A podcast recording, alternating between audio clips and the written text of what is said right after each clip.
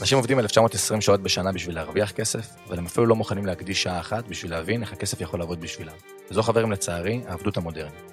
בפודקאסט זה, מפת החום, המטרה שלי היא לבוא ולהנגיש את כל הכלים הפיננסיים שיעזרו לכם לצאת מאותה עבדות מודרנית. שלום חברים וברוכים הבאים לפרק נוסף של פודקאסט אה, מפת החום. אה, בפרק זה ובכללי בפודקאסט זה המטרה היא באמת לבוא ולהנגיש את הנושאים, את הענפים השונים שאנחנו בתור משקיעים מסתכלים, מנתחים בשוק ההון, ולהנגיש אותם בצורה טיפה שונה בלהבין איך אנשים מומחים בתחומם מסתכלים על התחום הזה.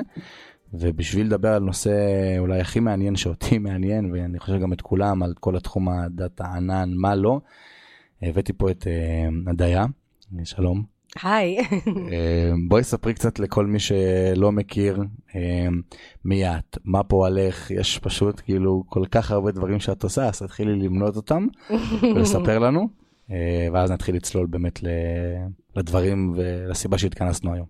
אוקיי, okay, אז יאללה, אז א', נעים מאוד, ואיזה כיף להתארח. ב', בואו נתחיל, מי אני? מי אני? אני, מי את? וואו, אז אני הרבה דברים. כן.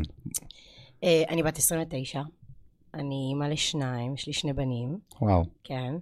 אה, אני מהנדסת, התחלתי בעצם את הקריירה שלי כמהנדסת תעשייה וניהול, עם התמחות במערכות מידע. אני מהאנשים שתמיד ידעו שהם יעסקו במשהו טכנולוגי, לא ידעתי במה, אבל ברגע שנכנסתי לתואר, בגיל 18 התחלתי את התואר. כן, גיל מה? 22 כבר הייתי בשוק. אה, ממש... כן, כן, כן, הכי חדת מטרה, מדהים. שנה ב', ג', כבר הבנתי שדאטה זה הקטע שלי.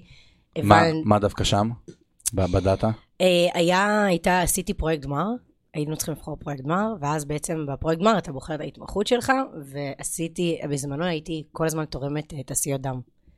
כן, בבנק הדם, בבלינסון. וואו. אמ, וזה בעצם תהליך שלוקחים לך את הסיודה, מחזירים לך את הדם שלך בחזרה פשוט בלי התעשיות, וזה עוזר בעצם אה, לחולי סרטן, כל מיני... נכון. כל מיני הסוגים. ואז באתי עם רעיון שאני רוצה לבנות להם מערכת באקסל של דאטה, שעושה חיזוי כמה אנשים יצטרכו, תרומות דם, איזה סוג. וואו, ממש... ו- אה, והמערכת הזו הצליחה, וישבתי עליה שנה ביחד עם עוד שותפה, ובגיל 21 להבין שאתה, יש לך כלים. שהיום אתה אשכרה יכול להציל חיים, זה היה לגמרי. משהו בשבילי משנה. וואו. והבנתי שאני רוצה לעסוק בתחום הזה, ושזה תחום שמרתק אותי, ואני רוצה לעשות ממנו טוב. כן. שזו ההבנה היותר חשובה. לגמרי, זה ה... ואז הלכתי לעבוד בבנק, כאילו קצת נפל לי לשנה, והתקדמתי מאז. סבבה, אז סיימת אמ, גיל 22, נכנסת לתחום. נכנסתי לתחום כדאטה אנליסט, גם במהלך התואר עשיתי כל מיני עבודת סטודנטים, בחיים לא נחתי, אז עבדתי כזה גם כ-customer success, בסופורט כזה, נגעתי בעצם בכל התחומים, ו- ונכנסתי להייטק והבנתי שאני, אחד הדברים שאני רוצה, זה א', אה, אה, לראות יותר נשים, כי כשנכנסתי לא היה. לא היה נשים, בטח לא נשים כמוני. מדהים. Uh, כן, אני בזמנו הייתי כבר בגיל 22, תואר ראשון ועם ילד אחד, מאוד מאוד שונה. אם אתה תסתכל על הייטקיסטים, כן, אני לא, לא הפורמט. לא, לא. לא הפורמט בשום צורה, לא התימניה עם הטלטלים, לא. גם זה לא הפורמט. את לא האבטר ש... אני לא האבטר שמייעדים לא. לו לאנשים uh, טכנולוגיים. כן. בטח לא לנשות טכנולוגיה. ובעצם uh, הדבר הראשון שעשיתי היה להקים קהילה. שקוראים לה מיטאפיסטיות, עם מילה בקשי, זה יופי. כן, כן. שקיימת עד היום ופועלת. הקהילה הזו במרץ אה, תחגוג ארבע שנים. וואו, שמטרתה היא כאילו להנגיש את העולם. המטרה שלה מלכתחילה הייתה, אני הייתי באה בעצם אה, למיטאפים טכנולוגיים. meetup, למי שלא יודע, זה בעצם אה, מפגש, שיש בו נושאים שונים, מרצים שונים, ויש לך כזה, אתה בונה את ה networking שלך, אתה מדבר עם אנשים על המקצוע שלך.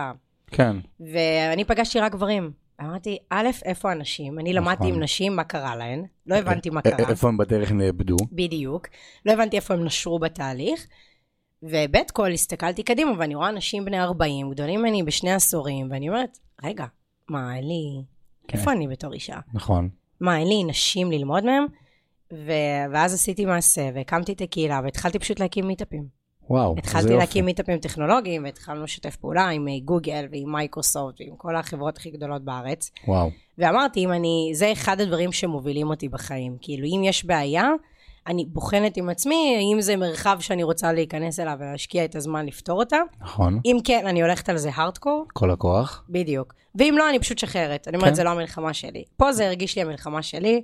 לגמרי, זה גם, וואו, זה, זה, זה מדהים.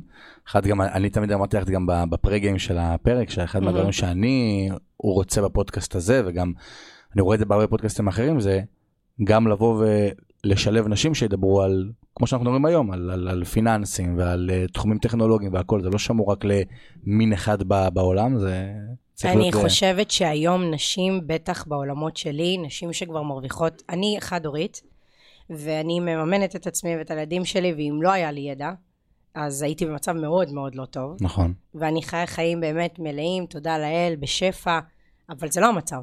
בטח של רוב הנשים, אה, אם תסתכל על חד-הוריות, הן לא חיות בצורת חיים שאני מרשה לעצמי. כן, ואחת הסיבות לזה, א', כי עבדתי בבנק בהתחלה, ולמדתי מזה המון באמת, וב', התחום הזה של ההייטק, התחום של ההנדסה, התחום הזה של הביזנס, שעוד מעט ניגע בו, של הענן, ברגע שאת מייצרת לך הבנה לאיך להתנהל בעולם הזה, את משחקת משחק אחר. את כן משחקת משחק שברובו עם גברים. נכון, אבל אין זה... לי, אין, כאילו, לצערי היום אנחנו עדיין במשחק הזה. כן, זה חלק מהזה, אבל אני חושב שגם ה- באמת המטרה של הקהילה, ואז אנחנו נצלול, כי אפשר לדבר על זה באמת אה, נכון. במשך אה, שעות, זה באמת לסגור את הגאפ הזה, לאט אז, לאט. אז המטרה באמת, בואו בוא רק ניתן על זה עוד משפט, המטרה הייתה בעצם לייצר כנסים ולהגיד, אין מצב היום שאתם מייצרים לי כנסים בארץ שנשים לא, לפחות לא 50% בדוברות. לגמרי. וזה עשה באמת מהפכה, ואני אומרת לך, היום אחרי ארבע שנים, זה כמעט לא קורה. כמעט אין מיטאפים בלי נכון. נשים, או כמעט אין כנסים שנשים לא על הבמה. גם אם הם לא הרבה, הם לפחות חלק. כן, באמת הם, עשינו הם שהוא... חלק מהדוברים, הם חלק מה... כן, עשינו איזושהי. מהפכה, וזה הוביל אותי להקים אה, שנתיים אחרי זה קהילה חדשה של Data Queens, שזה קהילה לנשות אה, דאטה בכירות בארץ, ובאמת לשנות את כל השיח שנשות דאטה מנהלות. כי אם אנחנו כבר במוקד ההחלטות ויש לנו את כל הדאטה אצלנו, אז בואו ניקח גם את ה... נקצור את הפירות לגמרי. לדבר הזה. לגמרי, אז אה, וואו, איזה, איזה כיף, איזה, איזה יופי ואיזה איזה כיף שנפלה בחלקי הזכות שאת באה ומתארחת בפודקאסט, ולכם גם שאתם אה, באים ושומעים את המידע על התחום הזה מהנושא הזה. אז בואי נתחיל באמת במה זה דאטה, מה זה דאטה, מה, מה זה אומר המילה הזאת, אני שומע בכל מקום, דאטה, דאטה, דאטה זה הזהב החדש, כולם היום רוצים דאטה, מה זה אומר בעברית פשוטה ואיך זה משמש אותנו. אוקיי, אז אני אדבר כמו עם הסטודנטים שלי, באמת. דאטה זה, אה, ב- דאטה, באמת, השווה של זה זה נתונים. נתונים יש לנו היום בכל דבר בעולם. כל דבר שאנחנו עושים, בטח בעולם הטכנולוגי, בכל מקום יש לנו נתונים. אנחנו יודעים, יודעים עלינו בעצם היום כמעט הכל.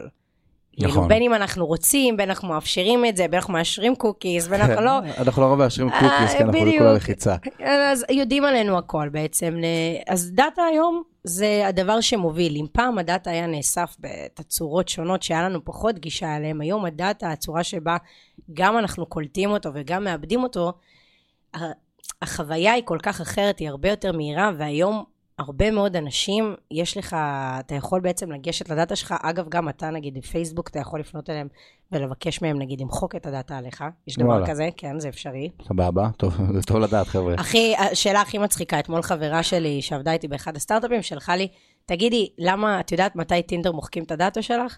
אז, בוא, אז גילינו שאם אתה מוחק נגיד את החשבון טינדר שלך, אז רק אחרי שלושה חודשים מוחקים את הדאטה עליך, אלא אם וואלה. כן אתה מבקש מהם באופן אישי. וואלה, כן. כן, טוב. אה, אז יש פה, אז בעצם דאטה זה המנוע שמניע את העולם היום. אה, כל הנתונים בעצם זה מתאר מי אתה, איזה אישיות אתה, מה אתה אוהב, מה הנתוני צריכה שלך, מה ההרגלים שלך, עם איזה אנשים אתה מתחבר, את מי אתה עושה לו לייק, כן, זה בגדול מה אתה קונה. בקיצור, בערך מי אתה האבטר שלך, זה היום הדאטה. לגמרי. אז למה חברות כל כך, בכללי, למה אנשים כל כך משוועים לדאטה? אנשים היום, א', נמאס להם לפעול מאינטואיציה. אינטואיציה זה דבר מאוד כיף. נכון.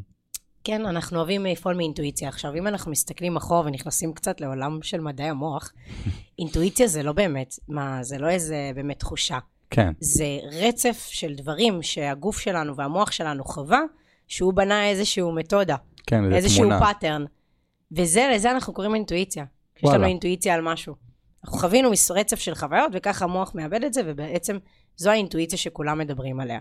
אז כאילו הדאטה, אז הרבה פעמים האינטואיציה שלך, גם יכולה להיות טובה. לדוגמה, אתה עובד בחברה מסוימת, אתה מכיר את ה business הכי טוב, אתה רואה מספרים שלך שלא מסתדרים, המספרים מספרים סיפור אחר, אבל באינטואיציה שלך אתה מרגיש משהו אחר. נכון. תקשיב לאינטואיציה שלך.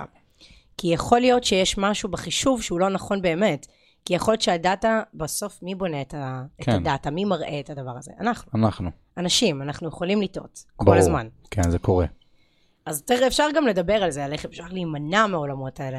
כן, אה, זה, אנחנו גם נדבר על, על, על איך הדאטה קשורה ל-AI, והאם AI יבנה דאטה, כאילו המון המון דברים. נכון, זה, זה גם מאוד מחובר. אז הזהב החדש זה לא שהדאטה הומצא עכשיו, הוא ממש לא הומצא עכשיו, אבל כן היום חברות, יש את המושג הזה שרוצות לקחת אה, את כל ההחלטות עליהן על data driven, אתה תשמע את זה המון, חברות שאומרות, אנחנו data driven, אנחנו data driven, מה זה אומר? מה זה אנחנו אומר? לוקחים החלטות מבוססות דאטה, אנחנו באמת לא מתנהלים בחברה בלי, בלי דאטה. וואלה. כביכול. כן, כביכול. שכאילו אנחנו מסתכלים על נתונים, מה הנתונים מראים, זה מה שקורה. כביכול. כאילו במילים אחרות, אין מקום לאינטואיציה אנושית. נכון. זה, זה מה שהחברות אומרות, אלא זה הנתון, זה מה שאני פועל. האינטואיציה נכנסת בשלב הראשוני. בשלב הראשון. ב assumption שאתה נותן בעצם, על הבנתי. תהליך האנליזה שלך. כן. זה כאילו, אבל- כשאני בונה את הדאטה, אני בונה את זה, יכול להיות על פי אינטואיציה גם, חלק מ... אבל בסוף ה bottom line של הדאטה היא באה והנתונים אומרים לי, אני מתבסס, כבר האינטואיציה נכנסת בפנים. זה המספרים, זה הרווחים, אתה לא זז ימינה או שמאלה, אתה יכול לתת כל מיני הנחות יסוד למה זה קרה, אבל בסוף אנחנו רוצים שיהיה משהו שיוכיח את זה. כן, בסוף המספרים אה, מספרים את הסיפור. לגמרי. אז אם דיברנו מה זה דאטה, מה זה data analyst ומה מה זה המקצוע הזה? אז אני אפילו, בוא נכניס אפילו כבר כמה טייטלים. כן, כאילו כי- בעולמות הדאטה, גם בכללי בעולמות ההייטק, לפי מה שאני הבנתי, יש אנשים לא יודעים, כאילו, יש המון המון סוגי מקצועות, וגם לפעמים חברות לא יודעות איזה מקצוע באמת יכולות לבוא ולגייס, והם אומרים, אנחנו נכון, צריכים איש, נכון, איש יש דאטה. המון בלבלה. המון אז- בלבלה. אז בוא בוא נעשה. קצת סדר. כן. כן, כן, כן, יש המון בלבלה. אז א' כל, חברות שלא יודעות מי מגייסות, זה קורה המון, זה בדרך כלל גם חברות סטארט-אפים שאין להם תהליכים מובנים עוד של, אה, גם של גיוס וגם תהליכי מוצר ודאטה, אז הם חושבים שכל מי שמתעסק בדאטה, אז הם צריכים אותו. סבבה. בעיה חמורה שלנו, נכון. בעיה יותר חמורה זה שהם גם מעתיקים את הדרישות משרה אחד מהשני, ואף אחד בכלל לא טורח להיות יצירתי ולכתוב באמת. הבנתי. אפשר לזהות את זה מאוד בקלות. זה נשים בצד, זה, נשים לא בצד. שלנו. נכון. מה שלנו? עולם הדאטה זה מתחלק. אם אנחנו הולכים לכיוון של אנליזה, אז יש כמה טייטלים. יש data analyst, יש business analyst, יש product analyst, יש marketing analyst. וכל ה- כל כל הטייטלים האלה. כן, כל הטייטלים האלה ששומעים, ואז כזה לא מבינים מה- מה זה אומר. בדיוק.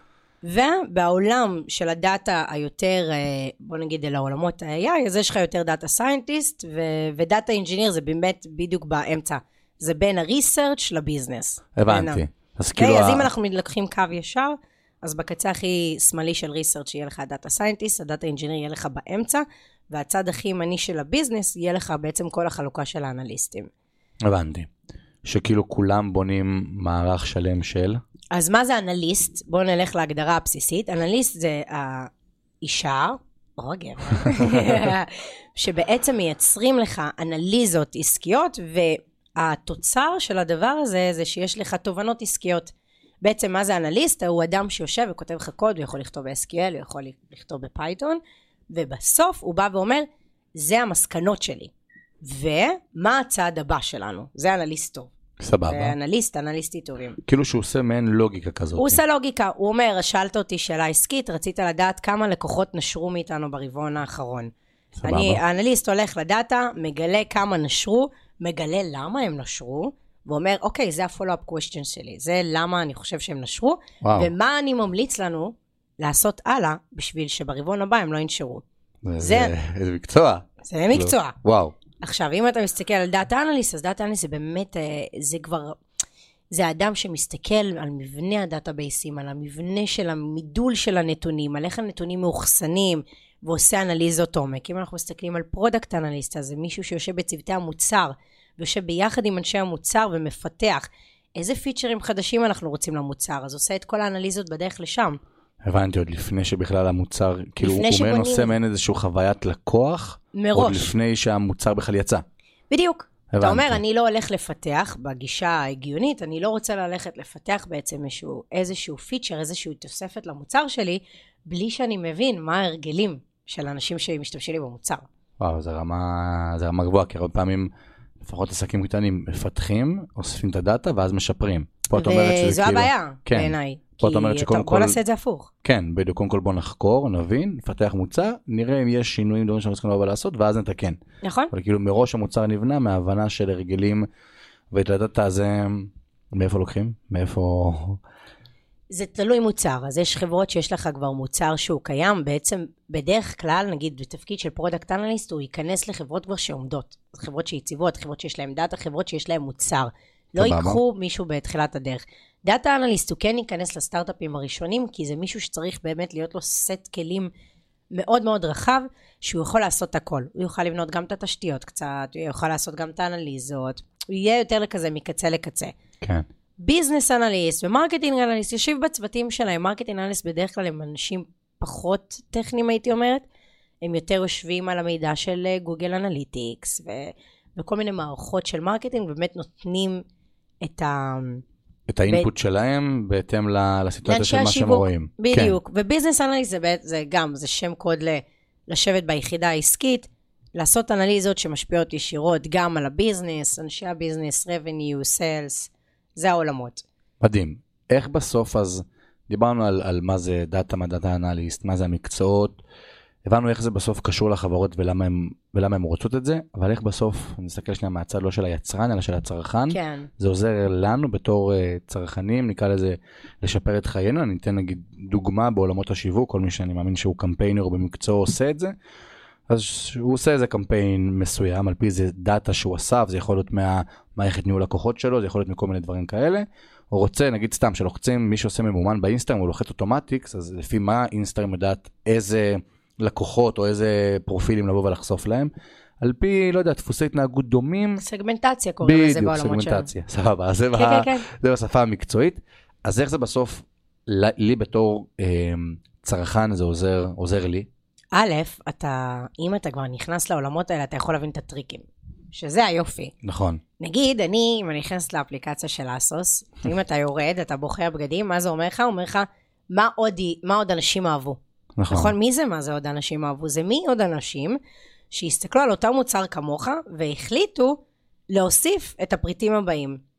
וואלה, אז א', אתה, ככה זה עובד, כן, זה הדאטה. סבבה, אז ככה, מה, זה הפקג'ים בעצם. כן. בעולמות של הדאטה, אנחנו, כשאנחנו מסתכלים על יוזרים, אנחנו אומרים, זה מה שה user שלי בדרך כלל קונה, בוא נסתכל על אנשים שקנו אותו הדבר, או הסתכלו על אותם פריטים, גם אם זה לא אותו פריט, אבל על אותו מבנה. אם הסתכלה על חצאיות מיני, אז נגיד נלך על חצאיות מיני. הבנתי. אז בוא נראה, ואז אנחנו מתחילים לעשות grouping, שזה הסגמנטציה. סבבה. זה הסגמנט, ולאותו סגמנט אני בונה מודל רווח חדש. הבנתי. אז אני בתור לקוחה היום, אני מסתכלת ואני כבר יודעת. כן. אני יודעת איזה pop-up יעשו לי, אני יודעת איך מנסים לעבוד עליי, אני יודעת איך זה, וזה גורם לי לקנות פחות. וואלה, כן, זה טוב. לגמרי. ולאנשים אחרים שהם לא מודעים דווקא זה גורם לקנות אולי יותר. אח, אח שלי, חופשי, חיים שלי, הוא, זה- הוא קונה ללא הכרה. אז כאילו, המקום הזה התחיל מאיזשהו מקום כאילו טהור, טוב כזה, לבוא ו- ולעזור לנו בתור לקוחות, ובאופן כללי לשפר, נקרא לזה, את ה- את החיי מוצר, אבל המילה טהור לא מתחברת לי. לא מתחברת. לא, למה? כי אנחנו בביזנס. זה סבבה. לא עובד, זה לא עובד המילה טהור. יפה, בגלל זה אמרתי, זה כאילו, אנשים חושבים שכאילו עולם הדאטה והנתונים, זה כאילו, הכל טוב, רק תשים את השם שלך ואת האימייל, כאילו, בשביל שאני אשלח לך ניוזלייטר שתרצה. ב bottom line זה כביכול מה שהם רוצים לבוא ולייצר. אני רק בא לעזור, אני לא רוצה לדחוף לך שום דבר, את מבינה?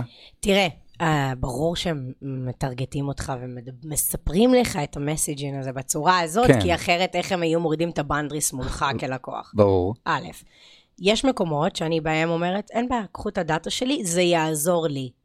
איפה זה עוזר לי? הנה דוגמה, נו, צ'אט GPT, כולם משתמשים בזה, נדבר אחרי זה על AI. סבבה. אין לי שום בעיה שהצ'אט GPT, את הדברים שאני כותבת לו, ייקח. אני כבר התחלתי לעשות איתו צחוק, אם אני כותבת לו מה שלומך היום, אז הוא אומר לי, מעניין, מה שלומך? סתם כזה, לראות. איך, איך השיח מתנהל בינינו.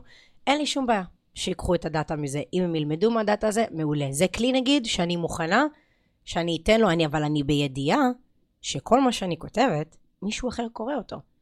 וזה מאוחסן באיזה database של מישהו.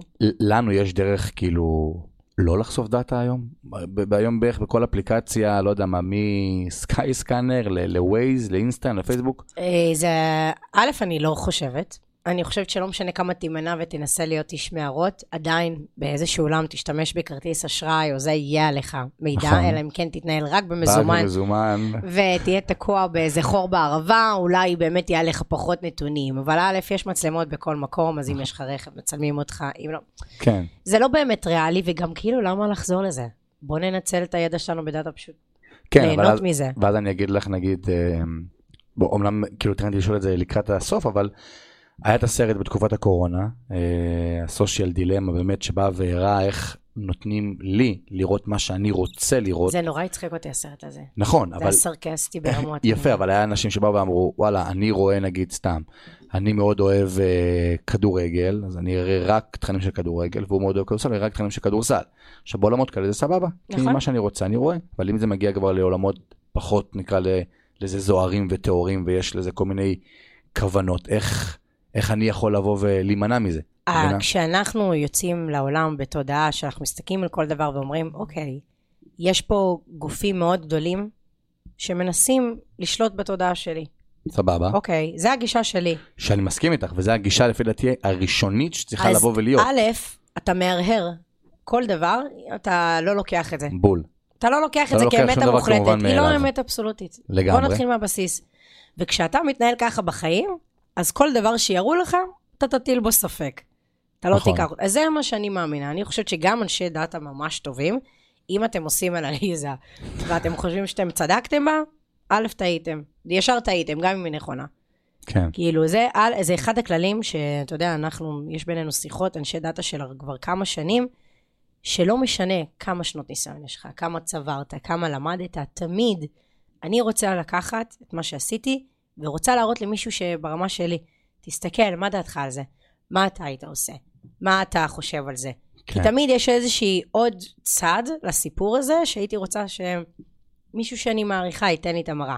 אז כשאנחנו מסתכלים בעולם, לקחת בחשבון, כשאני מפעילה Waze, אני יודעת שלווייז יש מיליון ואחת סיבות לקחת אותי מדרכים אחרות. נכון. והמטרה שלו היא לא לקחת אותי בדרך הכי קצרה. לא, אני חושב שמה שאמרת פה זה כאילו מפיל אסימון שלי נפל לפני כמה שנים, אני אולי אפשר להגיד בסרט או, או לא משנה מה, ששום דבר שאנחנו רואים, מפרסומת באיילון עד לספונסרד באינסטגרם, עד לאפילו לא יודע מה, זה לא תמים כמו שאנחנו חושבים. הוא בחיים לא תמים. נכון, ויש כוונה מאחורי הדברים, לחלוטין. וצריך לבוא ולהטיל ספק, כי הרבה אנשים רואים, אומרים כאילו, מה זה, אנשים לא מבינים לפעמים, עד לפני שנתיים, שלא אמרו בכל מקום, אם אתה לא, אתה לא משלם עבור משהו, אתה המוצר, אנשים כאילו אמרו, מה, ממה פייסבוק מרוויחה, ממה כאילו, מה הדבר הזה, וזה כאילו הכי תמים. הכי תמים וכאילו הכי, כאילו, אתה יודע, זה כלל ברזל תמיד שאני אומרת לאנשים. אם אתה לא משלם על משהו, כן, אתה fucking המוצר, אין לך. מושג כמה דאטה. נכון? פייסבוק יודעים עלינו הכל. הכל, הכל. הכל. נכון, וזה כאילו אחד מהדברים, אז אם אני מדבר על הדבר הזה, מה הפחד האמיתי של ה big tech, ניקח את, ה, את פייסבוק ואפל ומייקרוסופט ואמזון ו- וגם טסלה שהיא הרבה יותר חברת דאטה מאשר חברת רכב, מי שלא יודע את זה, היא גם בבורסה נמצאת בסקטור של יותר, אה, ש- שיהיו לחבר'ה, זה חלק מה... חלק תעשה תעשה אחד. חזק ואז יעבור. כן, זהו עבר, מעולה. אה, אז מי ששומע את זה באמצע הנהיגה שלא ייבהל. אמ, אז איך באמת אותן חברות שהרגולטור כאילו פוחד מזה, כי תכלס איך אותן נקרא לזה ממשלות באות Mhm. ושולטות עלינו באמצעות דאטה, עכשיו הדאטה שלהם זה באמצעות הממשלות כסף. חלום שלי שהן מבינות את הדאטה, הן לא מבינות דאטה. הן לא מבינות אבל הן רוצות, הן רוצות לבוא ולהבין. רוצות. יפה, אז מה, מה הפחד של אותם השתלטות של חברות נקרא לזה, לא, לא בהכרח השתלטות אבל שיהיה להם המון המון דאטה. מה הסיכונים, מה החששות שאם עכשיו לגוף מסוים יש המון המון מידע עליי, מה יכול לעשות עם זה?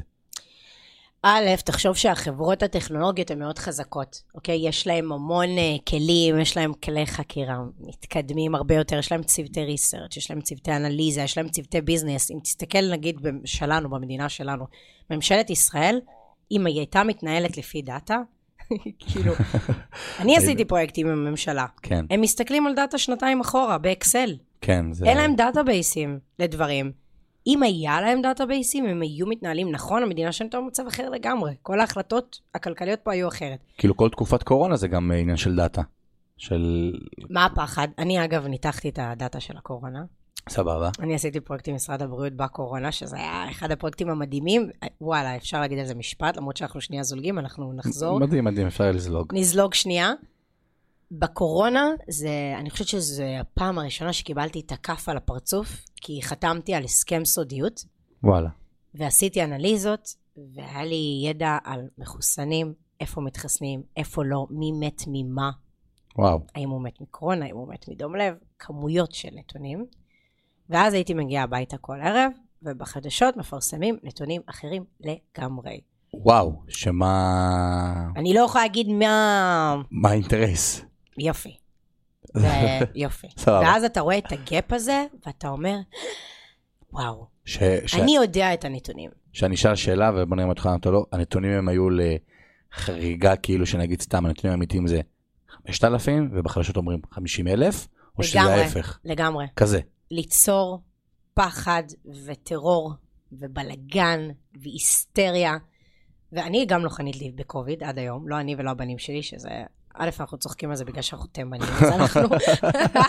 זה לא פוגע בנו, רק כן. באוכלוסיות האחרות. וזה לא פוגע בנו. אבל אתה יודע, לראות את זה בעיניים, ולדעת שאתה עובד על נתונים אמיתיים, כי אתה רואה, יש לי את כל ה databaseים. שזה, מול העיניים. ש- שזה מתקשר אגב ל... ואתה רואה את הסיפור שהממשלה מספרת, ואתה מבין שיש פה כוחות פוליטיים, אז אם אנחנו חוזרים לחברות הטק, ברור שהממשלה מפחדת מהם, כי לחברות הטק יש את הדאטה, המון דאטה, כן, ואז זה יכול ליצור אי שוויון, אם אנחנו מסתכלים על זה ככה במשק, כי הממשלה, יש לה דאטה שהיא רוצה לקחת בעצם מחברות הטק, חברות הטק צמחו כבר, כחברות לממדים פרטיות והגיעו לממדים מטורפים. לא והם. הרבה יותר חזקים. תסתכל גם על מה שקורה היום, המחאה, הכל. למה אנשי הייטק חושבים שיש להם אה, כוח ובסיס? הם אומרים, אצלנו הכסף, אצלנו הדאטה, בדיוק. לא תקשיבו לנו, אנחנו נקום ונלך. כן, ורואים את ההשפעות של זה באמת על על הכלכלה המיידית, בין אם הרפורמה נכונה או לא נכונה, לא נכנס נכון. לזה, בסוף מסתכלים על הנתונים הכלכליים, ורואים איך הדולר מזנק, ורואים איך הזה, ובסוף אנשים מסתכלים ואומרים, שאמרו לי, אה, אתמול קיבלתי שאלה, גיא, למה הדולר מזנק ביחס לשקל ולא ב- לא ביחס ליורו? אז הסברתי שיש, מעניינת. שיש יש הבדל, כאילו, שבסוף שקל זה נכס הבסיס, וצריך להסתכל עליו, כאילו, כל עוד אין השפעה בין הדולר לבין גוש היורו, זה לא משנה, כאילו, הדולר משתנה ביחס לשקל, אבל לא נעבור. אז כאילו, הפחד האמיתי זה שאותן חברות, בתכלס, שהן כאילו טהורות.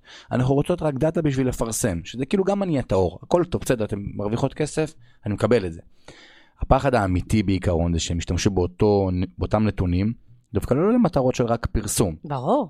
זה... זה, וזה הדבר הכי בעייתי של אבטחת מידע, של חוסר איזון. זה למה קם GPDR, כאילו, זה למה כל הדבר הזה בכלל התחיל. ש? תני לזה איזה שני מילים. ש- שתי מילים. אנחנו, באבטחת מידע יש כללים חדשים. עכשיו, התפקיד האחרון שלי, הייתי Head of Data בחברת סייבר, וזה ממש ראיתי. כל דבר, יש לך מידע, הלקוחות שלך הם B2B, זה אומר to business, כן. לקוחות של בנקים גדולים, הבית הלבן, לקוחות מטורפים. אתה לא יכול לקחת את הדאטה שלהם ולהשתמש בה בלי שזה מוצפן, כמו שצריך, וואו, בלי ש... אין דבר כזה שכל הארגון ייגש לדאטה הזה. כן. מישהו, אנשים מאוד ספציפיים יכולים לגשת לשכבות של דאטה מסוימים, לגד- לדעת דברים מסוימים. יש פה המון מחשבה. היום, היום הרבה יותר קשה לאסוף דאטה, ואומרת לך בתוך איש דאטה, כן. בכזה קלות. זה לא כזה קל. שכאילו, אבל אנחנו מדברים על, על, על רמות של דאטה. כאילו דאטה נכון. של שם, אימייל, טלפון, זה זה קל. הקל. זה הכי קל זה שיש. קל, וזה לא הבעיה אז שלנו. תני לי נגיד דאטה שהיא יותר קשה היום לקבל או לקחת מ- מה- מהאנשים. פרטיים, לא פרטיים, גופים ממשלתיים. הרגלי צריכה, הכי... זה. הרגלי צריכה. הרגלי צריכה אומרים לך את כל הנקודות היום שאתה יכול לקחת כסף מאנשים. כן, שזה כאילו ה- להפעיל בעצם את המניפולציה הפסיכולוגית על ידי נתונים. שזה- זה העולם. שזה העולם, שלשם גם הולך, כאילו אנחנו נדבר על זה עוד מעט, אבל הבינה המלאכותית, ה-AI, כאילו הכיוון הזה, אוי, אני מתה על הכיוון הזה. זה לא, דווקא שם זה לא מניפ... לא, תכף, תכף נדבר על זה, חכה. סבבה. ניכנס לזה. אז כאילו ההרגלי צריכה, אנחנו, את אומרת שבסוף הסיבה שהרבה חברות רוצות את זה, ואגב זה גם גורם פתאום לי להסתכל על חברות שונות של, או רוצות מאיתנו הרגלי צריכה מסוימים, בשביל לבוא ולהבין איפה הן יכולות לגעת לי במהלך היום, סתם, מתי גיא נכנס לאינסטגרם ובאיזה מקום זה תופס אותו. אם הוא בדיוק נמצא בתחנת אוטובוס ושם הוא נכנס, כנראה יכול להיות מה הוא מרגיש. ואז אולי איזה מוצר אני אדחוף לו, כזה, מה הוא רואה? בדיוק, מה הוא רואה, אחי, בוא ניקח את ווייז, זה הכי קל. איך סבבה. המודל של ווייז עובד? איך, בואי בואי נספר. בוא, בוא נדבר, כן. שנייה. בוא ניקח ווייז, כי- כי ווייז זה דוגמה מצוינת. שגם כולם מכירים, גם כולם מכירים, נכון. כולם משתמשים. נכון, הרי ווייז היום, ממה הם הכי מרוויחים את הכסף שלהם? מפרסומות. נכון, איזה פרסומות? פרסומות שצצות לך, קופצות לך בכזה pop-up באפליקציה, נכון. נכון? או פרסומות שאתה רואה בדרך.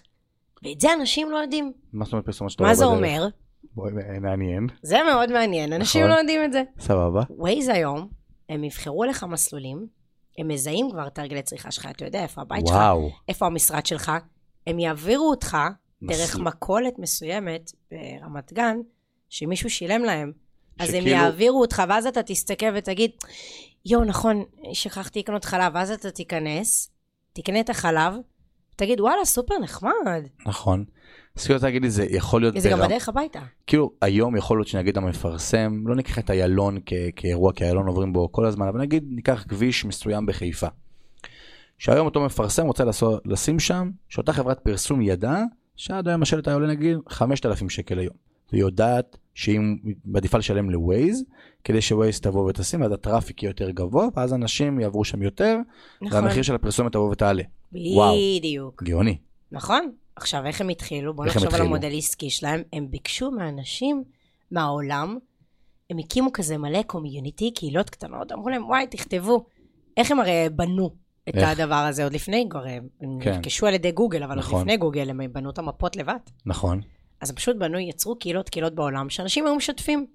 אה, פה יש כיכר, אה, פה יש זה. היום הם כבר הרבה יותר חכמים, הם ברור. מחוברים לתוכניות בנייה. היום אני יצאתי יום אחד מהבית שלי, זה היה באמת בדיחה. תשע בערב יצאתי מהבית, בשעה 12 חזרתי, אני רואה בווייז נוספה לי כיכר ליד הבית. אני אומרת, מה? הכיכר הייתה. וואו. ש... אתה אומר, שלוש-ארבע שעות לא הייתי בבית, זה כבר הספיק להיות מעודכן בווייז. אשכרה. אשכרה כיכר קמה לי, ליד הבית. אשכרה, זה כאילו, זה, זה כבר ברמה הזאת. זה כאילו? לחשוב, זה כאילו, אם, אם יש את קצה הקרחון, שזה ה pop-up שקופץ לי דרך ווייז, וואלה, דעת, אני לפני שבוע נוסע, אני אומר, ממה הם מרוויחים? כאילו, מי מסתכל, אני באמצע נהיגה, מי מסתכל בפרסומת הזאת שפתאום קופצת לי, יאנגו ב-20 שקל לקפה ומאפה. כששולחים לך את זה כל הזמן למוח, את המסרים האלה, נכון. אתה בהתחלה לא מתייחס, אבל מתישהו, אתה כאילו, אפילו לא שם לב וואו, שהדפוס זה, הזה נכנס לך. זה ברמה גאונית, אז כאילו, אתה, אתה הופך אפילו להיות, אתה פמיליאר לנושא הזה. כן, ואז אתה, אתה כבר כאילו, זה כבר נהיה לך ב... כן, זה אתה, נהיה לך כזה כבר ב system. בדיוק, בשיחות מסדרון אתה כזה אומר, וואי, ראיתי ביאנגו, יש מישהו מדבר על קפה ומאפה, ואני כאילו ראיתי בנסיעה שהוא אמר קפה ומאפה ב-22, מה יש לך, יש ביאנגו ב-20, כזה, לא מאומן ליאנגו, כן, אין לי כן, קשר אליו, אבל... שלא יחשבו שאתה... שיגידו, גיא מכניס פה פרסומת באמצע הפודקאסט, אבל באופן כללי. מדהים. אז דיברנו שנייה על סייבר ואיפה זה, איפה בכלל מאחסנים את המידע הזה? אה, קיבלתי דאטה. פעם זה היה מה, אקסלים, היום איפה זה נמצא.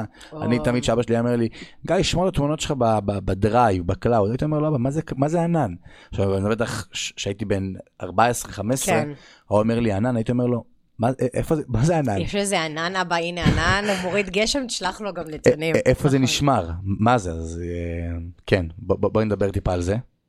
מה זה ענן? אז ענן זה כאילו, זה בעצם אומר שזה השירות של איפה אנחנו במחשב, בעולם הטכנולוגי, זה נשמע כזה, זה משהו... אלי, לא יודע, ישב למעלה. כן, מרחף. זה כן. בעצם, זה, או על מחשב, או על שרת מסוים, שבו אנחנו מאחסנים את הנתונים שלנו. אז כאילו חוב... תמונות, אוקיי? במרכזי העולם יש המון המון, תחשוב, בעולם יש המון כזה מסדי נתונים, יש חוות הרי. אה, יש- חוות שרתים, נכון? הבנתי, סבבה. שומרים אותם במינוס, אה, לא כן. יודעת כמה מעלות, בשביל שמקררים את המחשבים האלה, וזה מאבדים מטורפים. יש חוות כאלה בעולם, סבבה. שזה, קוראים לזה הענן. אוקיי? ענן של מידע. שזה כאילו חוות שרתים שיש עליהם שמירה, שהן משייכות כן. לחברה מסוימת, מקום פיזי בעולם, חוות שרתים. איפה נגיד חוות השרתים הגדולה בעולם? אין לי מושג, אין לי מושג. סבבה, מקומות ספציפיים. אבל היום זה או ש... בעולמות של ה-IP יש חברות באמת ש... שיש להם את החוות שלהם, נגיד של אמזון חוות שלהם, יש חברות שיש משתמשות כולם בכמה חוות, ואז זה כמה שרתים, ה- זה לא באמת נושא שמעניין אנשים, כי כן, זה. שעמום תחת. נכון. מה שמעניין, מה שמעניין זה שב cloud, שאתה יכול לשמור היום דברים שלך, ואתה יכול לשחזר דברים, שזה משהו שלא היה פעם. שמה זה אומר השחזור הזה? שזה אומר שמשהו שגם נמחק, הרי ה cloud יש לו בעצם אה, שכבה שהוא שומר מאחורה. אחרי 60 יום, גם היום יש לך אייפון, אתה מוחק תמונות, נכון, יש לי את הרסנט דילטד, ואז אני יכול. כאילו... אז הוא יכול לשחזר. מה נכון. זה אומר? אם אנחנו מסתכלים סתם על דאטה, זה אומר שמהטבלאות של מה יש לך עכשיו, זה התמונות שקיימות לך, ואז פשוט העברת אותן היסטורי. אחרי זמן מסוים שאתה מגדיר כתנאי הלוגי, פשוט מוחק הן את זה נמחקות כדי מהמערכת. לפנות מקום שם. בדיוק. הבנתי, סבבה. לחדש. הבנתי, זה כאילו, מה זה, זה אמור להיות... אה, אני בטוח שזה לא קנה מידה, אבל מה זה, כמו שפעם יש את התמונה של 1 ג'יגה היה בגודל של חדר והיום הוא כזה בדיסק קטן, כאילו זה צריך הרבה מקום, זה שאני היום מצלם תמונה באייפון וזה שנשמע לי ב cloud, זה אוטומטי נשלח לחוות השרתים אי שם נגיד בשוויץ, זה, כזה? זה פשוט שם, כן. ופשוט שם אוטומטי. כן. כשיש לך גיבוי באייפון ישר ל cloud שלך, זה לא משנה לך איזה חווה, אתה יודע שהוא מגובה. ואתה הבנתי. יודע שלא משנה מאיזה מכשיר תיכנס שמחובר לאותו קלאוד שלך, תחשוב איזה מדהים זה. נכון. לא משנה איזה מכשיר, אתה יכול לשחזר דברים. מתי העולם הזה זה. התחיל, אה, מת- מת- מתי הוא נוצר? מת- וואי, ש- מתי ש- ה cloud הזה, כאילו, הרי זה לא משהו זה- שהיה קיים, כאילו, לא, לא, פעם לא. היו שומרים, נגיד פעם הייתי מצלם תמונה, היה לי דיסק, ואז היה לי ערימות של דיסקים בבית, אני זוכר שהיינו, הייתי נוסע לחו"ל עם המשפחה שלי ב-2006 ו-2007, אז אבא שלי היה מביא מהארץ חבילת דיסקים של אה, שלמה ארצי, דן ארכל כאלה, והיינו מכניסים שם, זה היה ממש היינו לוקחים חבילה, תופס מקום במזוודה. היום כאילו, היום זה היום, אחרת. כן, היום זה ספוטיפיי, אבל זה כאילו כזה, זה פשוט אה, נמצא במקום מסוים, ואז התחיל כאילו ה cloud לאט לאט להתחיל להיווצר ולהיות אה, שם. זה מצחיק שפעם היו עותקים פיזיים. נגיד, אני זוכרת שעוד בזמני, אני לא, אני זוכרת שהיה דיסק, זה מה שאני זוכרת. נכון, דיסק וקלטת וידאו. קסטה, כל מיני קס- כאלה. זהו, אני לא זוכרת. אני גם לא, אבל כן, בתקופה שלי זה היה. כבר לא היה. נכון. ותחשוב שהיום יצרו מצב שהם פיתחו פלטפורמות שכל דבר אתה יכול לשמור בענן וגיבוי, ואתה משלם על האחסון הזה. נכון, הרי כן, אתה זה, משלם על זה זה, לא לא, בחינם. פיזית, אבל גם זה לא נהרס. כן, יש לך גיבוי ויש אבטחה ויש יכולת שחזור. כן, זה אחסון מידע ברמה שפעם לא הייתה. אני חושבת שהתחום הזה צמח ב-20 שנה האחרונות, הייתי אומרת. אז כאילו גם ההבטח- כאילו- הבטחה של החוות האלה, נדבר ברמה נכון. הפיזית, היא כן. הבטחה ברמה הגבוהה ביותר. כאילו אם נגיד עכשיו, לא יודע מה, לגמרי. זה גם גיבוי שהוא לא בשרת אחד. ברור. הגיבוי נעשה על מספר שרתים שונים, עם מלא מפתחות ביניהם בעולמות של המידע. כן. מאוד מאוד קשה להרוס את זה. מאוד מאוד מתוחכם. מאוד אז כאילו מאוד האבטחת מידע שדיברנו עליה מקודם, היא הבטחה שמה? תלוי באיזה ענן היא נמצאת, תלוי מה המפתחות ש... תלוי מי, היום החברות הכי גדולות זה, זה IBM, אמזון, AWS, הם הביג, כאילו שיש להם את החוות, טכנולוגיה, וכולנו משתמשים בשירותים שלהם, כאילו. סבבה. שירותי האחסון. אם תסתכל על חברות הייטק, אתה תראה מי, מש... במי משתמשים כן. הכי הרבה, משתמשים בהם. אה, והם היום באמת יודעים ליצור מערכת שהיא מוצפנת, היא מאובטחת, היא כן. מעבירה כמו שוואטסאפ הוציאה. לפני איזה שנתיים על האבטחת אה, הודעות מקצה לקצה, אז כאילו גם כל ההודעות שאני רושם בוואטסאפ שנשמרות לי, או א', נגיד ההודעות שאתה בטלגרם, רושם בוואטסאפ שלך זה מחובר לפייסבוק. נכון. הם רכשו כן. אותם. אז נ- כאילו, תחשוב שמטא יודעת עליך מה אתה כותב בפייסבוק, מה אתה כותב בוואטסאפ, בגלל מה זה- באינסטגרם. בגלל זה נגיד הוואטסאפ זה כלי שהוא לא עושה כרגע מוניטיזציה לפייסבוק, אבל הדאטה שהיא מקבלת שם, הרי בסוף היא לא מרוויחה באמת ברור כסף שהוא עושה מונטיזציה. ברמת, זה לא ברמת הפרסומת, אלא ברמת הדאטה שהיא מקבלת. כן, אז הרבה אנשים חושבים שאם זה לא פרסומת, זה לא מרוויחה כסף. זה, זה, זה לא ככה. זה- כבר דיברנו על זה כן. שהם אה, הם, הם הר- הרבה צריכים- הרבה יותר צריכים מתוחכמים. להיות אה, אחורה. הרבה יותר מתוחכמים. כן, אז היום, אם נסכם את זה, מי ששולט בעולמות של האחסון זה, זה גוגל, מייקרוסופט, אמזון ו-IBM. זה החברות השולטות בעולם. הן בעצם החברות ששינו. ששינו את את, העולם. ה... תחשוב את הכלי שגוג- הזה. שגוגל באה ופתחה, יש היום שורת חיפוש. אם תכף נדבר על AI, איך זה מתחבר. כן, אבל תחשוב איזה מטורף זה, שכל מידע שאי פעם נכתב באינטרנט, מחיפוש בגוגל, בשורה אחת, אתה יכול למצוא. נכון. כתבה גם שפורסמה לפני 40 שנה, כזה. די מטורף. פעם היו שומרים כאילו. את זה בקלטות. בנייר. כן, נייר, ועושים קלטות. מניילנים לך את זה, הסבתות היו מניילנות, דברים שהיה חשוב לדעת. כן, שהיה איזה חלפן מטבעות כזה ש... שעושה... תחשוב איזה מטורף זה. שזה דורש אה, המון דברים. ילך מאוד רחוק, מאוד רחוק. אבל נגיד בסוף ככל שהדאטה גודלת וגדלה וגדלה וגדלה, צריך יותר חוות אחסון לאחסן את זה. נכון. יכול להיווצר מצב מתישהו, לא יודע, איזה אפוקליפסה כזה, שיגמר המקום לאחסן דברים, לא, כי תמיד אתה תמחק, סבבה, יפה. אוקיי? זה השאלה תמיד, ש- תמיד אתה תמחק דאטה, לא תשמור את כל הדאטה בעולם. כן, באיזשהו כאילו, שלב, יש מודלים של איך אנחנו שומרים דאטה, איך דאטה מתחלף, הכי הר... כן, סתם, כמו שאמרנו, דיברנו כל אנשי עסקים שבונים את הדאטה שלהם ולא חושבים, קודם אוספים את הדאטה. נכון, הרמה הכי פשוטה, אתה לא תשמור מידע על לקוח שלך שעזב. נכון, אתה תרצה לשמור אותו, למקרה שאתה תרצה לעשות לו ping אחר בדיוק, כך, ping. בשביל לנסות להחזיר אותו בחזרה. אבל אתה לא תשמור את כל הדאטה שלו. כן, for life, אתה תשמור דווקא לקוחות שהם כן נגיד שילמו לך ונמצאים בתהליך ואיתך. בדיוק, בדיוק. אז- כן. אז עוד... יפה, אז בואי נדבר נגיד על חברות קטנות בתחום הדאטה, דיברנו על ה-IBM, אה, AWS, שזה של אמזון, ודיברנו על על מייקרוסופט והכל בגוגל. כן. מה עם כל ה Datadog, Snowflake, Salesforce, אה. ווילו, Okta, כל החברות האלה, יש המון חברות שהם כאילו צצו ב... נקרא לזה עשור האחרון בערך, ולאט לאט מהמם. נוקסות. הן לא באמת לוקחות את ה big של ה- אה, של ה market cap. אבל הן מסתכלות על דברים אחרים. יפה, בואו בוא שנייה נשים... אה. מעולה. בואי נעשה סדר המודל בעולם הזה. העסקי שלהם, גוגל, יש להם מיליון דברים אחרים שהם מתעסקים בהם, אבל העיקר, העיקר הפרנסה של גוגל זה ה Google Analytics, נכון, אז יש השורת חיפוש שאנשים משתמשים בהם.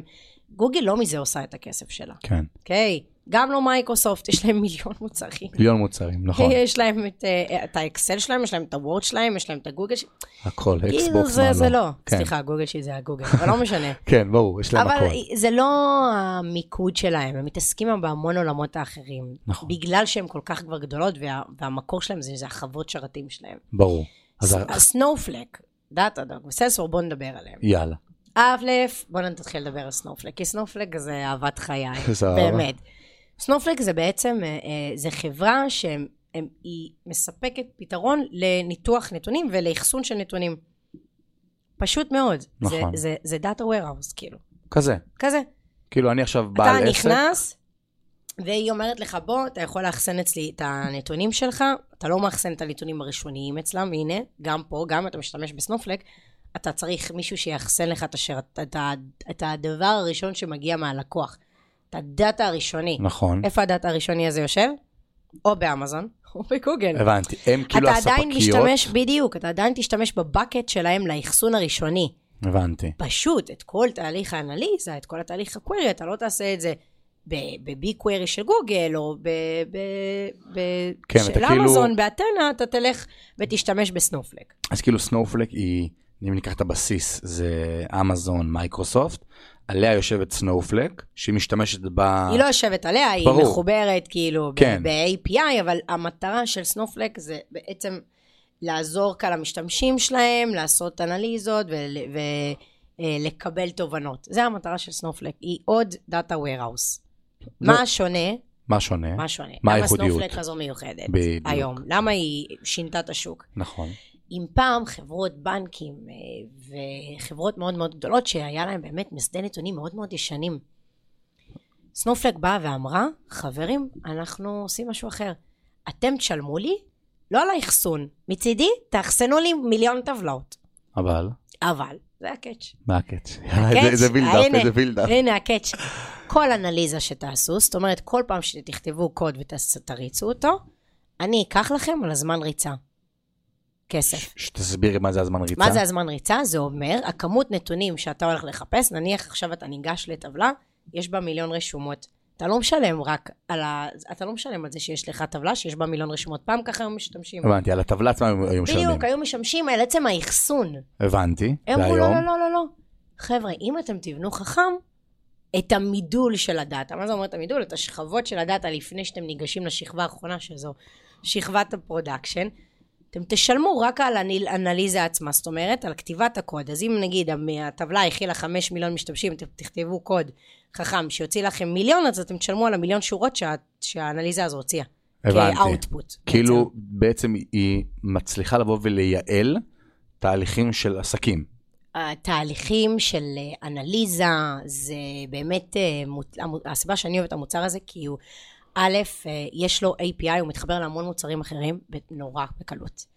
גם. לא אנשים שהם אנשי דאטה, אני באופן אישי בסטארט-אפ הקודם שעבדתי העברתי סדנה לחברה ממש סדנה לאיך אתם עושים אנליזות בתוך זה בשביל שלא כל פעם שהם יצטרכו איזושהי שאלת דאטה הם יפנו אליי ויהיה לי פשוט כמה אמרתי עדיף לי להשקיע כן. ללמד אותם קצת שהם אה, פשוט ירדו לי מהגב אה, ו Snowflake היא פשוט כלי שהוא מאפשר את זה הוא מאפשר, הוא, יש היום טוענים שהוא יקר מאוד, אחרי חברות שיש להם ווליום של דאטה, זה אומר שהמון המון נתונים, הם עושים כבר אה, שאילתות על המון המון יוזרים, טוענים כן. שזה אה, מאוד יקר. הם גם אבל- מרוויחים הרבה כסף, אותם חברות. כן, אבל סנופלק, אה, הם גם א', הקימו את המרכז פיתוח פה בשלוש שנים, רק לפני שלוש שנים הם באו לישראל. וואו, הם, הם אחת החברות שנכנסו כזה ממש, ואני חושבת שהם ממש הצליחו. חושבת שזה אחד הדאטאבייסים, ה- אחד ה- הדאטאבייסים הטובים. סבבה, זה Snowflake, בוא נדבר על עוד שתי חברות שהזכרת מקודם. נכון. Salesforce. אז בוא, Sales, וואי, Salesforce הם גאונים בעיניי. Salesforce אה, קמו לפני 15 נראה לי, 20 שנה, משהו נכון. כזה. ו Salesforce זה CRM, כן, שירות לקוחות, ניהול לקוחות אה, as is. אבל Salesforce מאוד חכמים. א', הם רכשו את Tableau. נכון. אז כאילו טבלו זה כלי BI מטורף היום בעולם. אני גם מאוד אוהבת את טבלו. אז בעצם מאפשר לך ליצור דשבורדים, וסיילספורס, הסיבה שהם כל כך מצליחים, זה לא כי המוצר שלהם כזה חכם, אז, כי הם הבינו איך משתמשים בדאטה. הבנתי. הם אמרו, ה-CRM הזה, אנחנו נהפוך את זה לזהב. כן, הם מחברים לך, אתה יכול לבנות אצלם דוחות, אתה יכול לבנות אצלכם תהליכים. הצורה שבה סיילספורס עובדת, א', רוב האנשים, תשאל אותם על סיילספורס, הם יגידו לך, אני לא מבין את המוצר. אבל כולם משתמשים בסיילספורס, כי מה יש להם? יש להם את HubSpot, כן. שזה CRM על הפנים בעיניי, הוא לא, הוא לא עובד בסקייל. סיילספורס יודעים לעבוד בסקייל. הבנתי. פשוט סיילספורס היא... אז היא בעצם מאפשרת לך לנהל את כל הקשרי לקוחות שלך לקוחות. בתוך הענן בעצם, והיא אחת החברות, יש לי חבר שעובד שם, עבר גם לסן פרנסיסקו איתם. הם מדהימים, הם כן. עובדים בצורה מטורפת. חברה, חברה מצוינת, אני אישית אה, גם אה, מאוד מאוד אוהב. אה, סבבה, Datadog, ככה אנחנו, אנחנו, כן. כן, הורגים חברות, אה, עוברים, לוקחים אחת, מבינים מה היא עושה, עוברים לשנייה, לוקחים נכון. אחת. Datadog היא, היא קצת עושה משהו אחר, כי היא ב- בעצם בתחום של מעקב, ואז הניתוח נתונים. ממש עוקבת, עושה לך tracking על דברים שאתה עושה. שהם מעניינים, הם כאילו מאפשרים לך לצפות כזה, וגם לנהל את הנתונים. אה, בגלל זה קצת- ממש- אז בגלל זה קוראים להם Datadog, כאילו כלבי השמירה של ה... סבבה, נכון? עכשיו הבנתי. איזה חדים הם. נכון, הם מעולים Datadog, הם ממש מגניבים. הבנתי. אז כאילו הם עוקבים אחרי כזה שירותי תוכנה שאתה עושה, כל ה infrastructure, מה זה ה infrastructure? כל התשתית הראשונית שלך, והם נותנים, זה כבר יותר, זה כבר יותר drill down, כאילו, טכנולוגי דאטה כן. דוג, כזה. זה יותר בפנים. השירותים, כן, נותנים כזה ל- ל- לנהל לך את המערכות הטכנולוגיות שאתה משתמש, כזה שהכל יהיה במקום אחד, ואתה לא תפספס את זה. הבנתי, אז אם אני שנייה לוקח סיכום, כי יש עוד הרבה מאוד חברות אגב של, mm-hmm. של ענן, שאגב אם תרצה לדבר על אחת מהן בכיף, כאילו אני מבין שיש את הספקית ענן, ספקית שרתים, שזה האמזון, זה המייקרוסופט מהמם. וה-IBM, ויש חברות שמשתמשות, מתחברות ב-API, כל מיני דברים כאלה, לספקיות של הענן. ומנהלות בעצם את ה-Data Warehouse, את המקום שבו אשכרה אתה מנהל את כן. כל השכבות של הנתונים שלך. הבנתי. אחרי כבר שהם הגיעו כשכבה הראשונית, יצאו בעצם כשכבה הראשונית ומתחילות תהליך של עיבוד, של טרנספורמציה לשפה שאתה יכול בעצם לקבל ממנה איזושהי תובנה עסקית. הבנתי, אז כאילו באיזשהו מקום, בתכלס, אם כן. אני כאילו קונה מוצר של סנופלק, או משקיע בסנופלק בבורסה, במילים אחרות גם משקיע במייקרוסופט באופן מאוד מאוד עקיף. כי היא, היא מספקת לה את ה... נכון, אבל תחשוב שסנופלק אומרים לך, לא אכפת לי למי תתחבר. כן, אתה יכול להתחבר, אני, א', סנופלק, תשקיעו בסנופלק. הם באמת, הם הולכים להתפוצץ, הם כבר מתפוצצים בעיניי. אין באמור המלצה והכל, אבל כן, תשקיעו. כן, אני לא אומרת, אל ת... לא, זה לא... כן, המציגה אינה... אינה- חוקרת שוק ההון, whatever, אבל אני בתור אחת שחווה את המוצר הזה, ואני ברמה היום, אני היום אה, ב- בתהליכי ראיונות, אני שואלת חברות, אם הם לא משתמשים, אני היום יודעת לזהות חברות, באמת, ברמה כזאת, אה, אני שואלת אותם מה ה database שלהם, לפי ה database אני יכולה לדעת המון על איך התהליכים שלהם מתנהלים בחברה. שאגב, זה מדהים, ומעבר לזה, אני חושב שאחד מהדברים, ופה פתאום, אני חושב שזה הפרק התשיעי שיהיה בפודקאסט, או עשירי או 11, תלוי מתי נעלה אותו, אבל כאילו של, זה בדיוק אחת הסיבות שהפודקאסט הוקם, כדי לבוא ולהבין בדיוק מה שאת אומרת. אותם אנשים שעובדים בתוך החברות, לא להתייחס מהכובע של המשקיע, לא להסתכל שנייה על נתונים המספרים, שנייה, בוא נשתמש במוצר. כמו שאת אומרת, נכון. אני לא, לא יודעת שנייה מה הדוחות בבורסה, אני לא יודעת מה הם מציגים, אין לי מושג כמה הם מרוויחים בשנה ומה מה האינקום, מה הרווח, אין לי מושג, מה המכפיל רווח, לא מעניין אותי. אני יודעת שהמוצר הוא טוב. עכשיו, לנו בתור משקיעים זה כלי נהדר לבוא ולהגיד, סבבה, אני מבין שהמוצר טוב, החברה מצוינת, בואו נלביש את את המספרים, נבין האם חברה יקרה או זולה לפי התמחור בבורסה, אבל המוצר הוא טוב, וכאילו פה להישאר איתנו למשך שנים רבות, לגמרי. והוא עוד הולך רק לצמוח ולגדול. וזה זה רק ההתחלה. ה... כן, זה רק ההתחלה, וזה בדיוק ההבנה, וזה זה מדהים. אמ, אז מה זו בעצם, ניקח אה, מושג ששמעתי אותו ואני אשאל אותך, כלכלה דאטה, מה זה אומר המונח הזה, המושג הזה, למה מדברים זה עליו? כאילו דאטה אקונומיק, זה נורא מצחיק אותי המושג הזה, כי כאילו זה, זה החיים שלנו. זה כאילו להשתמש, בעצם זה אומר לי, אני משתמש היום בנתונים סטטיסטיים וטכנולוגיות כדי להבין את כל התהליכים הכלכליים והעסקיים שקורים. אוקיי? מה זה אומר? היום אנחנו כמו העולמות של הלמידת מכונה, נכון, אוקיי? מה זה? אתה עושה פרדיקציה לדברים. כן, אתה לומד על הדאטה, לוקח דאטה היסטורי שלך, ובעצם אומר, אני על ידי הדאטה ההיסטורי זה שעל ה- ההתנהלות עד היום, אני יודע בעצם לעשות איזשהו חיזוי, איזשהו forecasting קדימה, למה הולך לקרות. ומי כמוך יודע איך זה בבורסה. אם כן. אתה מסתכל לאורך זמן על הגרפים, אתה אומר, השוק עולה, יורד, אה, בסוף אתה כן. בסדר. בסוף אם אתה אתה משקיע למעלה. בעשר שנים, אז אתה בסדר. נכון, זה כאילו הטווח. אם תשקיע שנתיים, אולי ת- תפסיד, אולי תרוויח, אולי אתה תיפול לא על יודע. איזה שנה לא טובה. אז כאילו המטרה של, ה... של המושג הזה, זה כאילו אומר, אני רוצה לאפשר ל... לאנשים ו... וארגונים, אני רוצה לעזור להם לקבל החלטות עסקיות חכמות יותר, כשהם משתמשים ב... בניתוח נתונים. הבנתי. זה בגדול. זה נותן לך, ב... בעצם.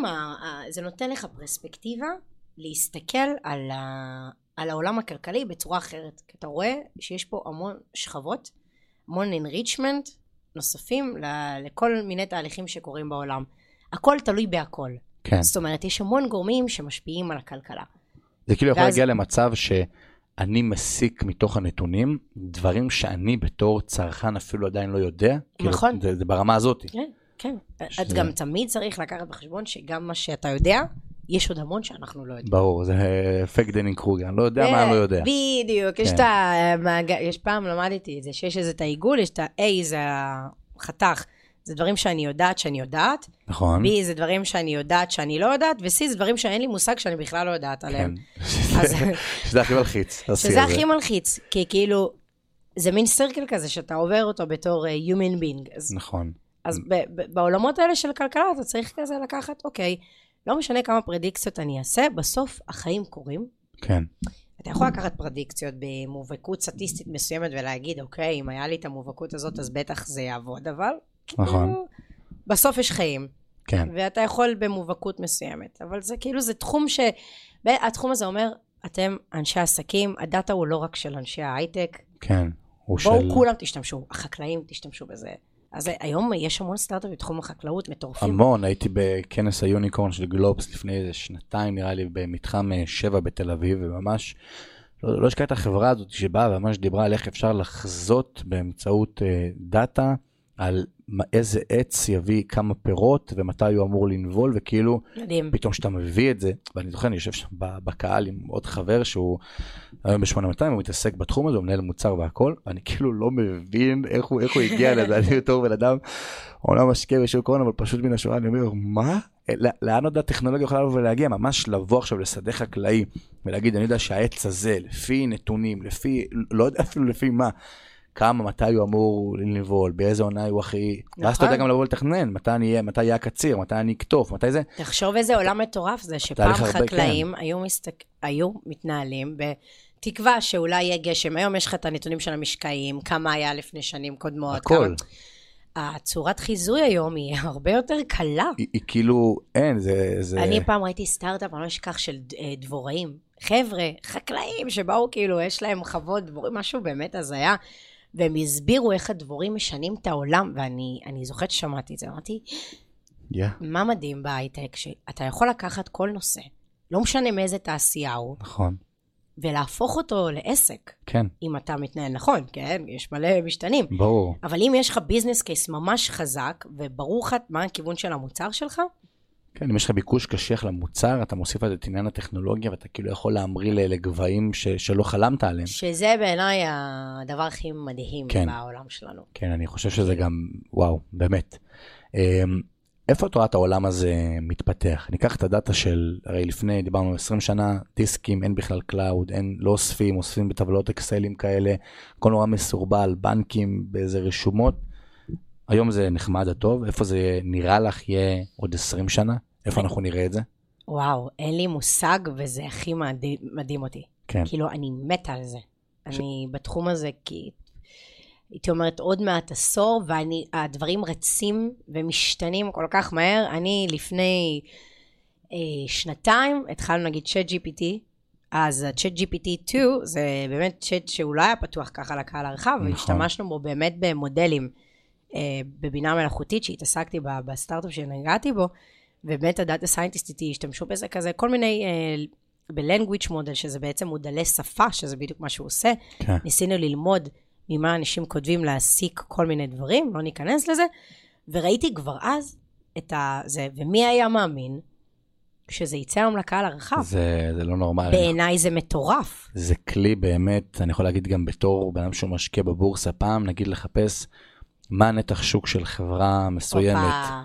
מתוך, באופן כללי נגיד, מה הנתח שוק של פוטלוקר משוק הביגוד והטקסטיל העולמי. כמה היית צריך לקרוא? כמה היית צריך לחפש? ואם הייתי שעות. בכלל מגיע למידע הזה, אולי לא הייתי מגיע בכלל. נכון. כי, אין לך מושג, אתה צריך לחבר כל מיני נתונים. שואל, אני שאלתי את ה-JGPT, פתאום הוא נותן לך נתון, 8%. פשוט. ככה, ואתה אומר, בפעם ראשונה שעשיתי את זה, אמרתי זה יותר מדי טוב בשביל להיות אמיתי. זה לא הגיוני ש... אז שאני... בואו בוא נשים באמת גבולות גזרה לסיפור הזה. כן, ה-Chat GPT הוא כלי מטורף, אני כל כך שמחה שהוא יצא, כי בעיניי הוא הולך, אתה יודע, המון אנשים מפחדים מזה. נכון. נגיד בתעשייה שלי, על זה. כי- יואו, אז איך נבחן אנשים? הם יכולים לרמות אותנו. זה, עכשיו קמים סטארט-אפים לניטור AI. ש... שהוא יזהה עם הטקסט שכתבת, אתה כתבת או מכונה כתבה. אשכרה. זה הסטארט-אפים כבר שקמים, תראה מה קרה כבר כל כך מהר. מהרגע שהוא יצא לעולם, כבר קמים סטארט-אפים שהולכים להתחרות בדבר הזה, שזה מטורף. נכון, זה גדול. זה גדול, כי למה? כי מה אנשי ה marketing אומרים, אם משהו פעם היית צריך ליצור, להיות creativity, לחשוב על איזה message marketing, איך תכתוב זה, אתה כותב ל ChatGPT איזה מסרים אתה רוצה להעביר, בום, כותב לך פוסטים אתה לפרצוף. עושה לד- לדלת טור, אתה עושה לוגו. אתה אני אמרתי לסטודנטים שלי חמודים, כל יום לפני שאתם מפרסמים פוסט בלינקדאין, שאתם רוצים עכשיו שיהיה לכם כזה חשיפה, כן. תכתבו לו מה האשטג היומי של הלינקדאין, בום, כותבים, מביא להם את זה, תשימו את האשטגים. זה- זה- זה פשוט, כזה קשור, פשוט. כן, זה- כאילו. זה- כל עולם השיווק, או המכירות, המרקטינג, הוא מקבל, אבל מה הבעיה? כן, מה הבעיה? אחת הבעיה, א', כל, זה לא כל הדאטה באינטרנט. אם נסתכל על גוגל, לגוגל זה יש את כל הדאטה. נכון, צ'אט GPT הוא רק מ-2021. הוא נכון, ממש מוגבל בזמן. כן, אז עדיין, גם כל הידע, המידע שהיה בשנים האלה הוא המון. כי נכון. אנשים כותבים כל היום, אנשים כותבים כל תוכן הזמן. כל הזמן, אנשים צורכים תוכן ללא הפסקה, סבבה. יש פה מגבלת זמן, שצריך לשים אותה על השולחן. שזה, שזה טוב, כי אני נגיד לא ידעתי את זה. כאילו, שהמידע שקיים שם הוא מ-2021, נכון? וחשוב לבוא ולהבין את זה. חשוב להבין את זה. א', אז לא לקחת את זה כאמת מוחלטת. כן, כן צריך לקחת את הכלי הזה ו- ולהשתמש בכלי הזה כאבן דרך באיתנו, בתור אנשים, לעשות את העבודות השחורות. יש המון עבודות שחורות שאנחנו עושים היום ב-day to day, נכון. שהוא יכול לעזור לנו, ובואו נשתמש בזה לזה. זה לא תורה מסיני. אבל זה... ודבר שלישי שצריך לזכור בנושא הזה, שבסוף ChatGPT זה language model, מה זה language model? זה, זה למידה של שפה. כן, הוא קורא שפה שאנשים כתבו, ועל בסיס זה הוא נותן את התשובות שלו וההנחות שלו. איפה הסכנה?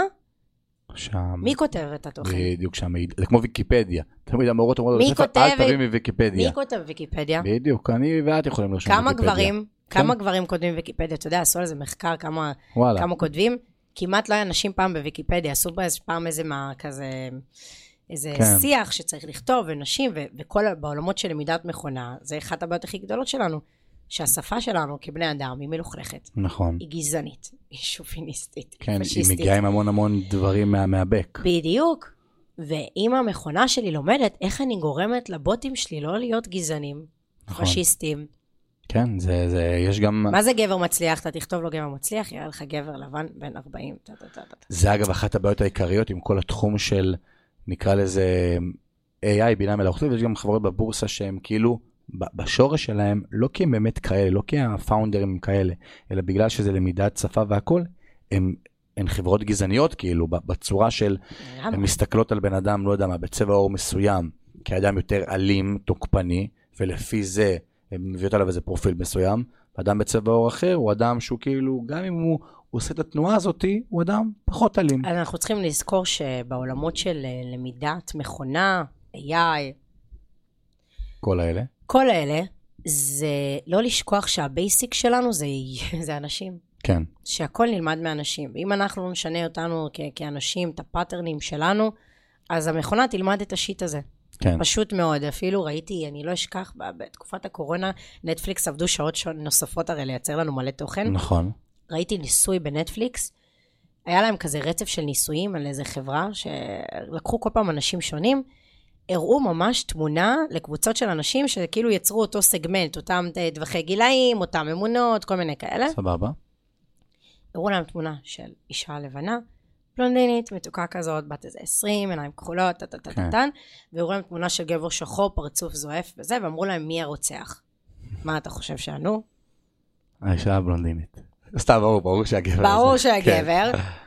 והאישה הבלונדינית הזאת הייתה אחת הרוצחות הכי מסוכנות בעולם. כן, ועשו על זה עוד מלא ניסויים, על איך אנחנו מוטים. אז אם אנחנו כבני אדם מוטים, גם מי שעובד על ה...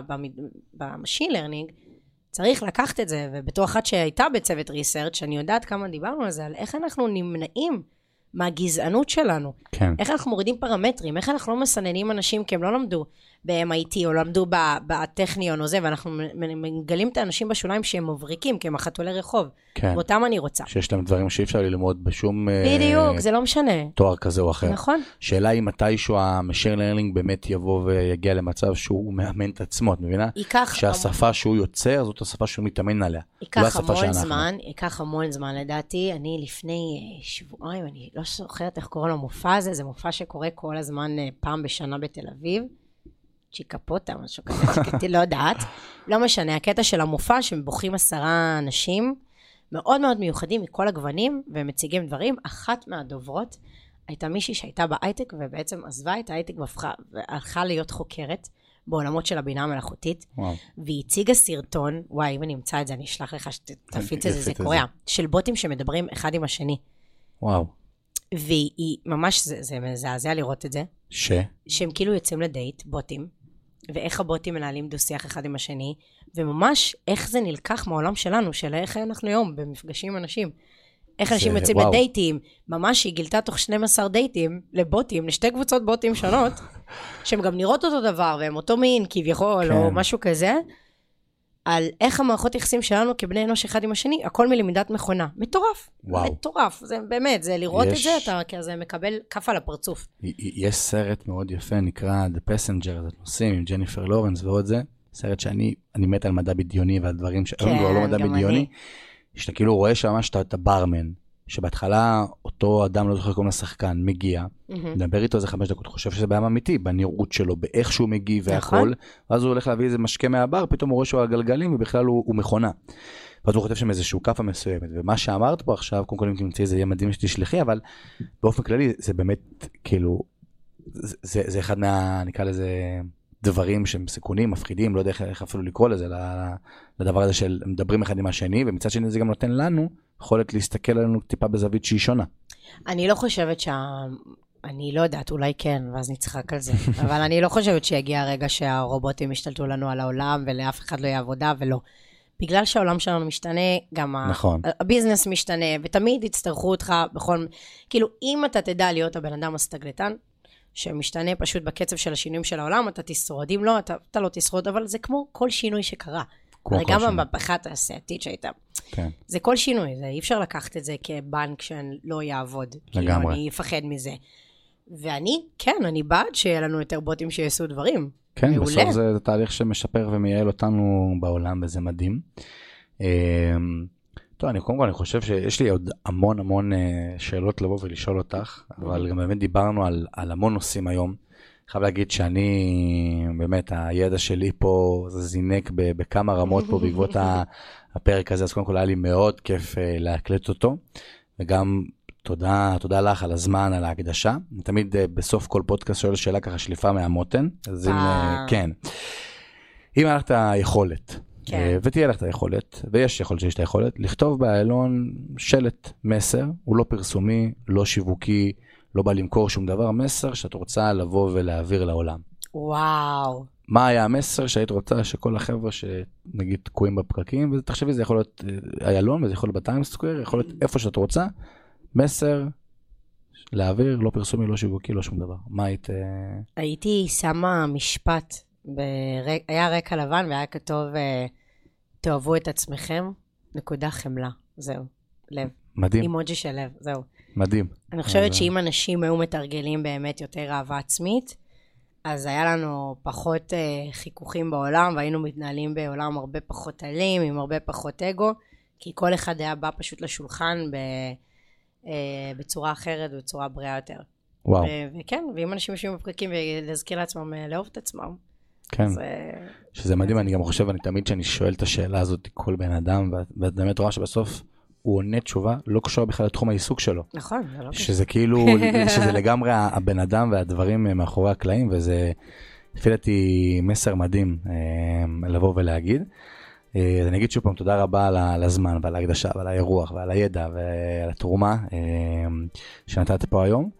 אה, ותודה רבה לכם שהקשבתם לעוד פרק של אה, מפת החום, אנחנו ניפגש פה שבוע הבא, אותו יום, אותה שעה, שיהיה לכם שבוע מקסים.